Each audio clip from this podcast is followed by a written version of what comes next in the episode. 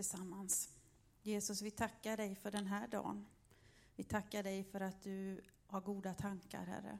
Vi tackar dig för att vi får räkna med dig, Herre, och att du har framtidstro och hopp att ge. Du har mod, livsmod att ge, Herre, till den som längtar efter att få både kraften och livsglädjen, Herre. Tack för att du känner oss från den yngste till den äldste. Och du vill oss väl.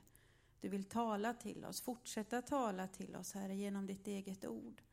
Så öppna oss för dina sanningar. Amen. Fint att få mötas på det här sättet också. Så är det. Ni som sitter vid radion hade kanske tänkt att det är Lennart Johansson som skulle höras och ni som sitter här hade kanske tänkt så. Lennart är sjuk och så har jag fått möjligheten att predika men temat är detsamma. Eh, så. Det är ju en dag idag som är präglad utav val på ett särskilt sätt. Och på ett sätt så tänker jag så här att ja, fast vi som kristna har ju alltid ett val. Vi har ju alltid ett val att göra utifrån att efterlikna Kristus i en värld som kanske inte alltid står för hans sanningar. Så på ett sätt är den här dagen speciell och sätter liksom valet på agendan. Och på ett sätt så tänker jag, ja, fast det här valet har vi ju hela tiden. Att välja det goda, att välja Jesus Kristus som vår förebild.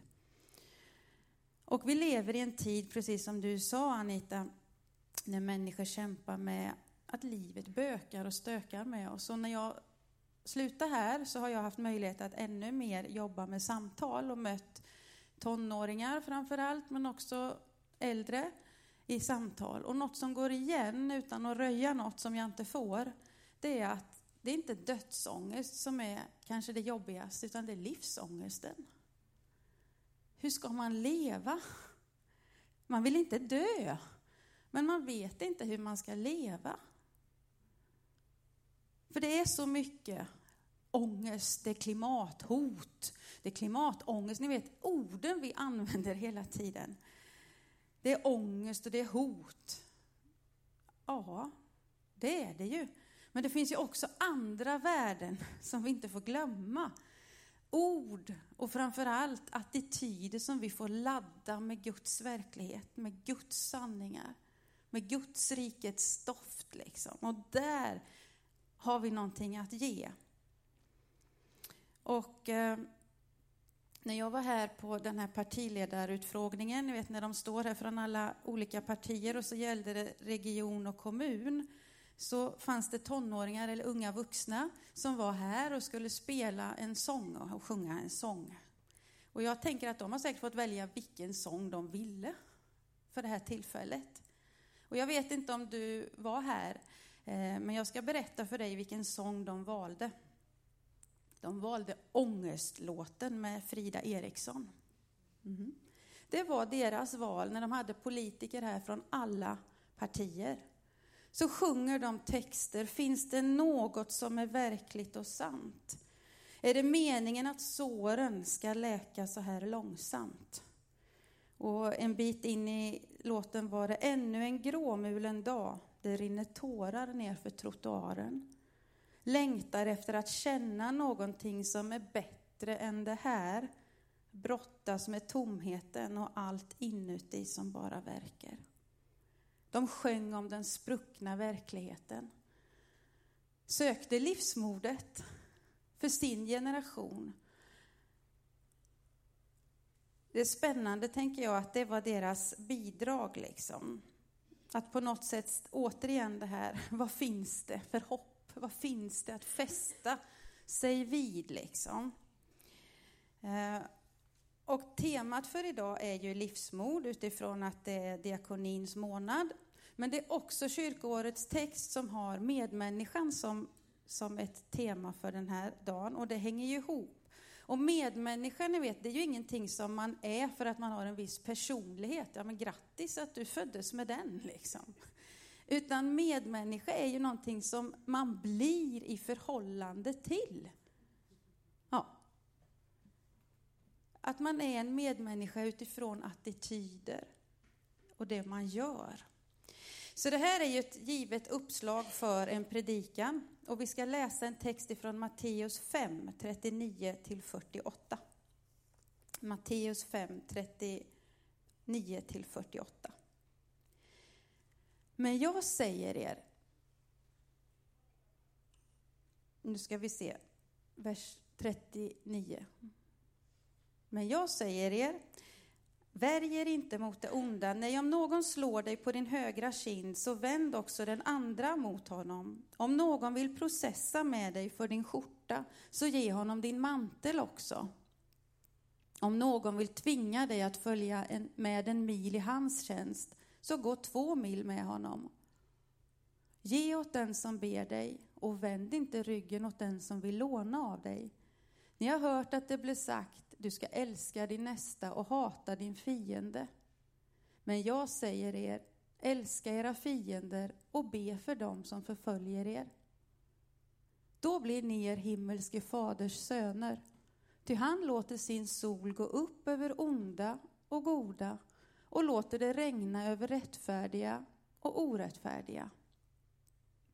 Om ni älskar dem som älskar er, ska ni då ha lön för det?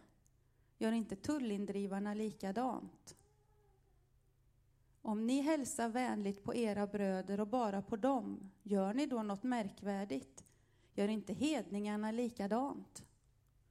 Var fullkomliga så som er fader i himlen är fullkomlig. Ett budskap om att inte ge upp trots all ondska och andra människors utnyttjande. Det handlar om bemötande. Återigen, hur vi är emot varandra. Att gå kärlekens väg, att trotsa alla trots och inte falla offer för det ondas agenda. Att ge modet och livet vidare. Det finns en, han var nog inte så liten, men han kallas för småprofet. Han hette Amos. Bördornas bärare betyder det kan man ju fundera på, är det någon som heter Amos? Eller fundera på att ge det till sitt barn. Eh, Amos hade väldigt mycket från Gud att säga.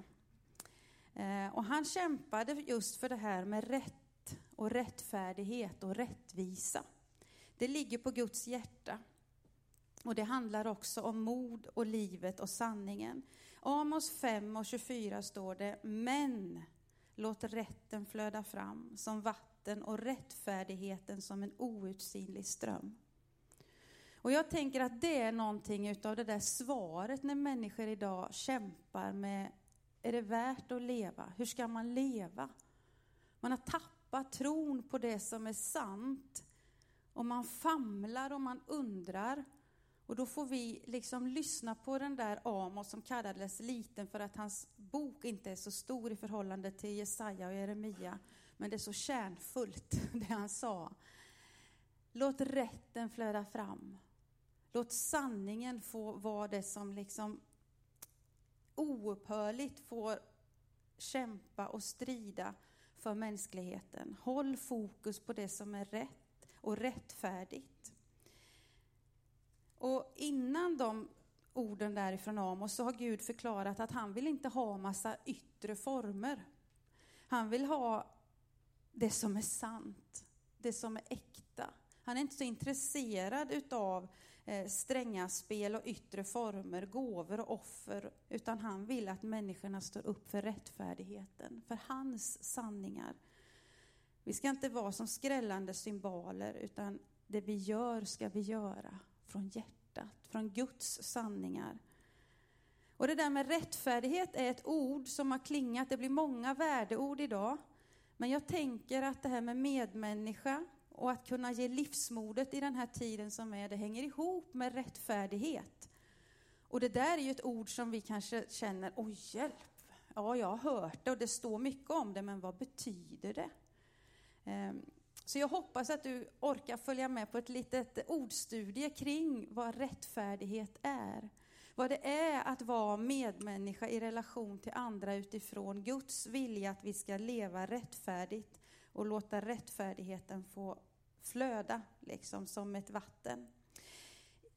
I Matteus förekommer rättfärdighet sju gånger, varav fem gånger i bergspredikan. Och Paulus använder det 58 gånger i sina brev, varav 34 bara i romabrevet.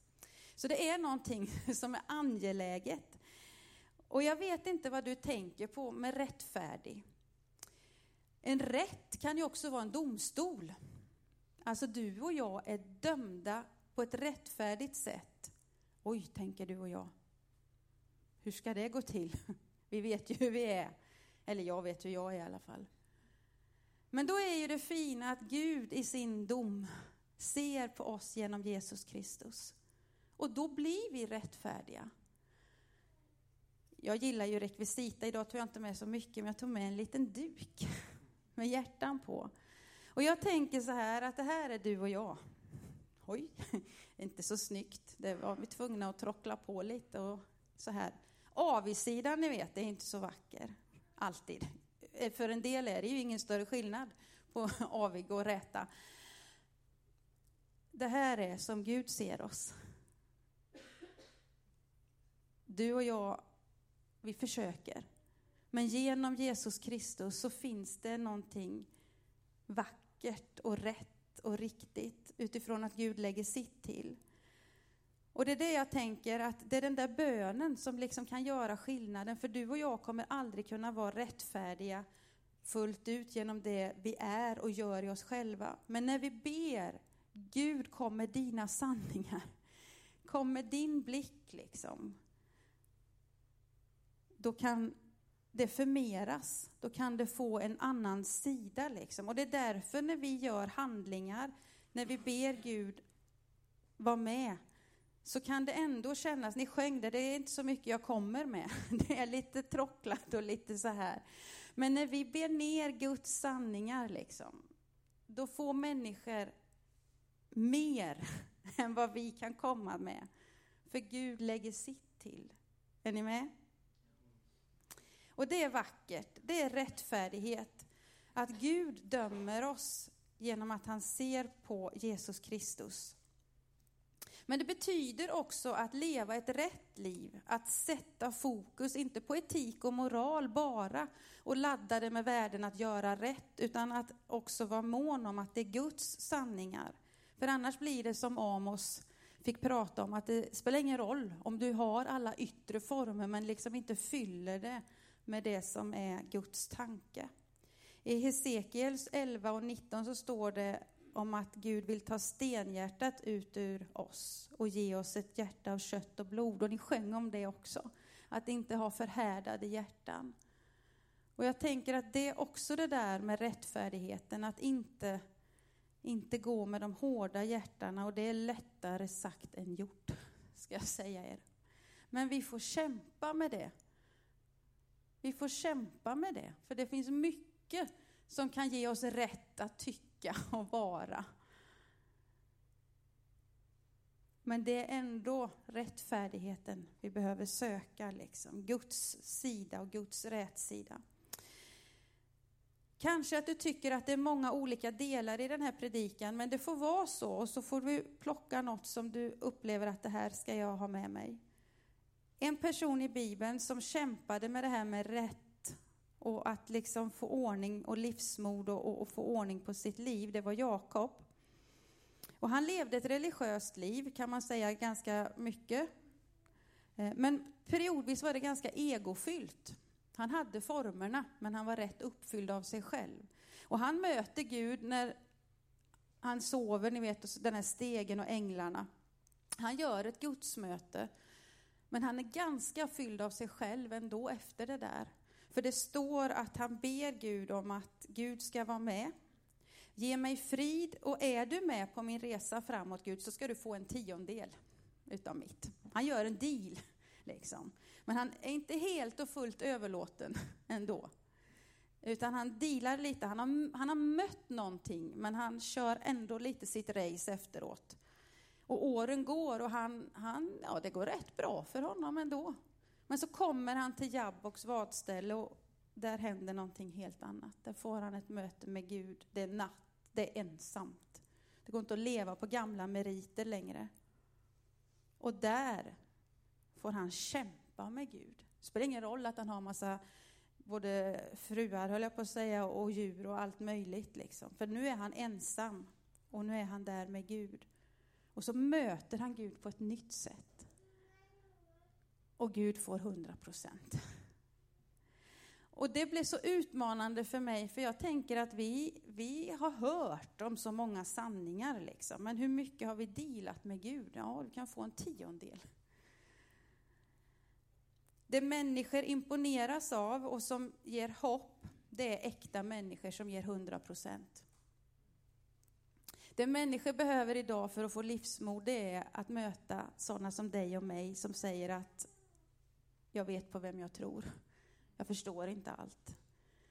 Men när jag känner mig utsatt, jag pekar på dig i tågvagnen, när jag känner att livet inte går ihop, då vet jag till vem jag går. Och det är därför jag tänker att det är så viktigt att vi möter Gud. Att vi ger och inte håller tillbaka. Och jag hoppas du hörde att jag sa vi, för jag pratar inte till dig, utan jag inkluderar mig själv i allra högsta grad.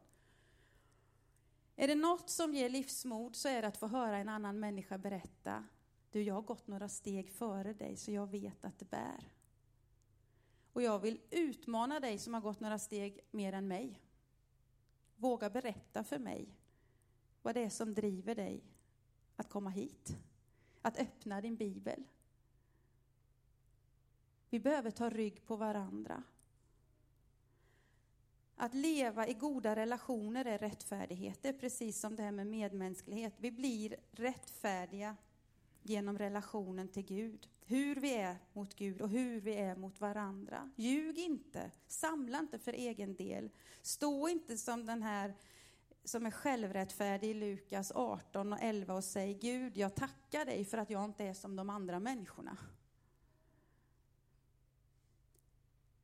Rättfärdighet handlar om sunda relationer, goda relationer, hur vi är. Och moral är ingen teori för den kristne, det är ett förhållande till Jesus. Det är kärlekshandlingar, konsekvenser av våran tro. Vi gör som vi tror. Och det är där rättfärdigheten kommer in. Gör rätt, sök det goda.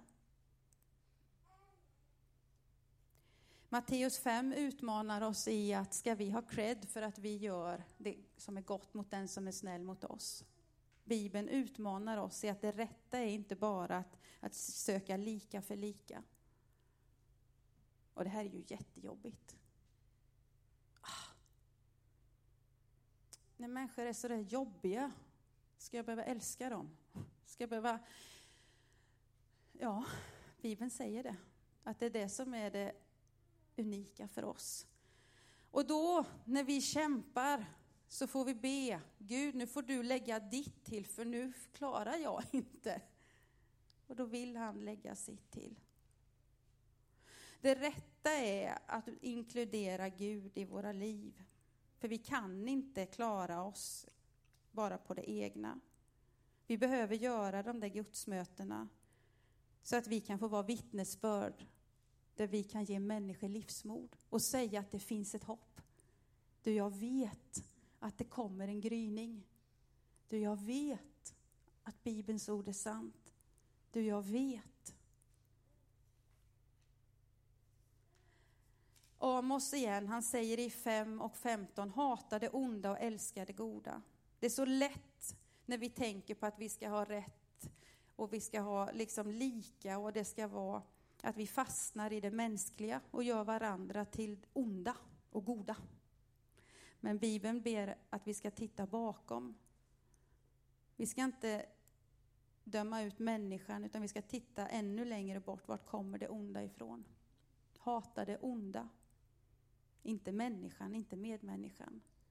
Är ni med? Det är lätt att fastna i det mänskliga och inte se kampen mellan ont och gott. Vi ska förmera det goda, vi är iklädda rättfärdighetens kläder, står det i Fesebrevet, genom Jesus.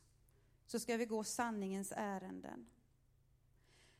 Och det vi behöver ge vidare, det är de där frukterna ni vet, eller frukten som det står om i Galaterbrevet. Kärlek, glädje, frid, tålamod, vänlighet, godhet, trofasthet, ödmjukhet och självbehärskning. Det ger människor hopp. När vi har tålamod. Tålamod med det där barnet som, åh, springer du runt nu igen? Ja, jag är här för dig. När du och jag har kärlek att ge till den som andra säger, ja men du vet den där människan har vi gett upp på för länge sedan. När du och jag kan komma fridens väg in i en kaotisk situation. När vi ödmjukar oss istället för att komma med högmod. Då ger vi livsmod. Då ger vi smak av ett annat rike. Då ger vi människor någonting som handlar om hopp och tro vi behöver närvaro i vårt eget liv. Närvaro att stanna upp, närvaro i mötet med varandra och närvaro utifrån att Gud får ge oss sin närvaro.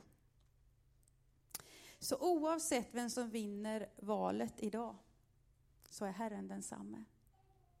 Oavsett vilken regering vi får så kommer Guds sanning att stå kvar. Att jag vill ge er framtidstro och hopp. Och vi är kallade att gå rättfärdighetens väg. Och jag som gillar smycken funderade, vad ska jag ta på mig idag? Ska jag ta på mig korset när jag ska predika? Nej, tänkte jag. Nu tar jag identitetsbrickan idag. Och vet ni vad det står? Det står från Jeremia 29. Där är min djupaste identitet i Gud. Där det står just att jag ska ge dig framtidstro och hopp. Och den identitetsbrickan har också du.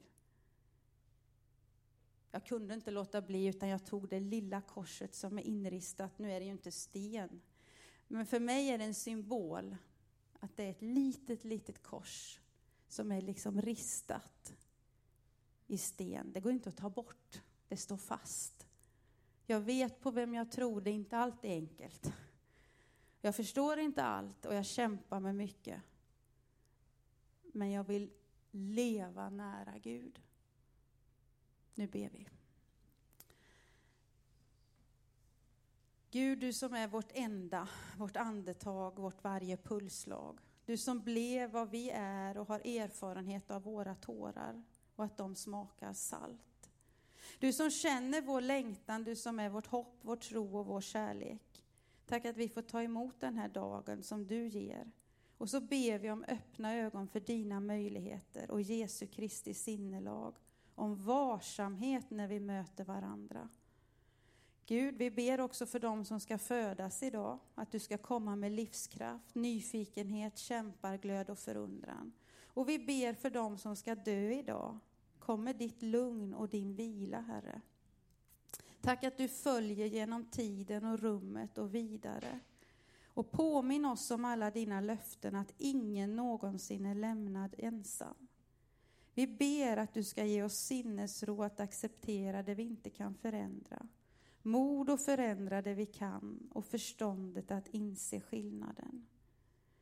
Vi tackar dig, Herre, för att du har livsmod att ge och du har hjälp att ge oss så att vi kan leva rättfärdigt i relation till varandra och dig, Herre. Tack för att du vill lägga ditt till när vi brister, Herre. Men hjälp oss att inte ge upp, utan söka dig i livets alla skeenden, Herre. Och hjälp oss att i det vi får också kunna ge vidare till andra, Herre. Utrusta oss med det hopp och den tillit som vi behöver för att ge, ge och göra den här världen lite vackrare och lite mer hoppfull, Herre. Och så ber vi den här dagen att du ska vara med i det som sker och vi tackar dig för att det kommer du vara, Herre.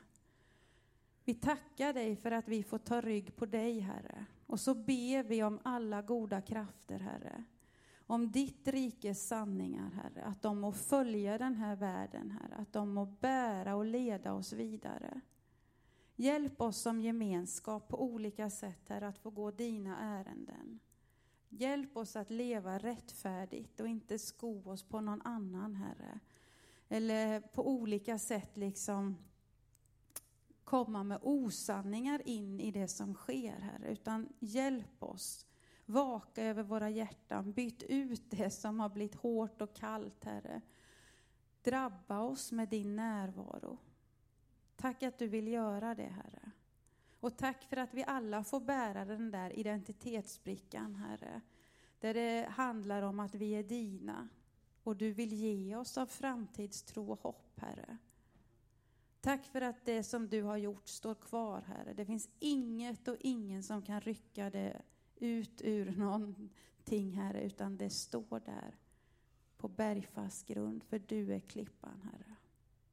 Amen.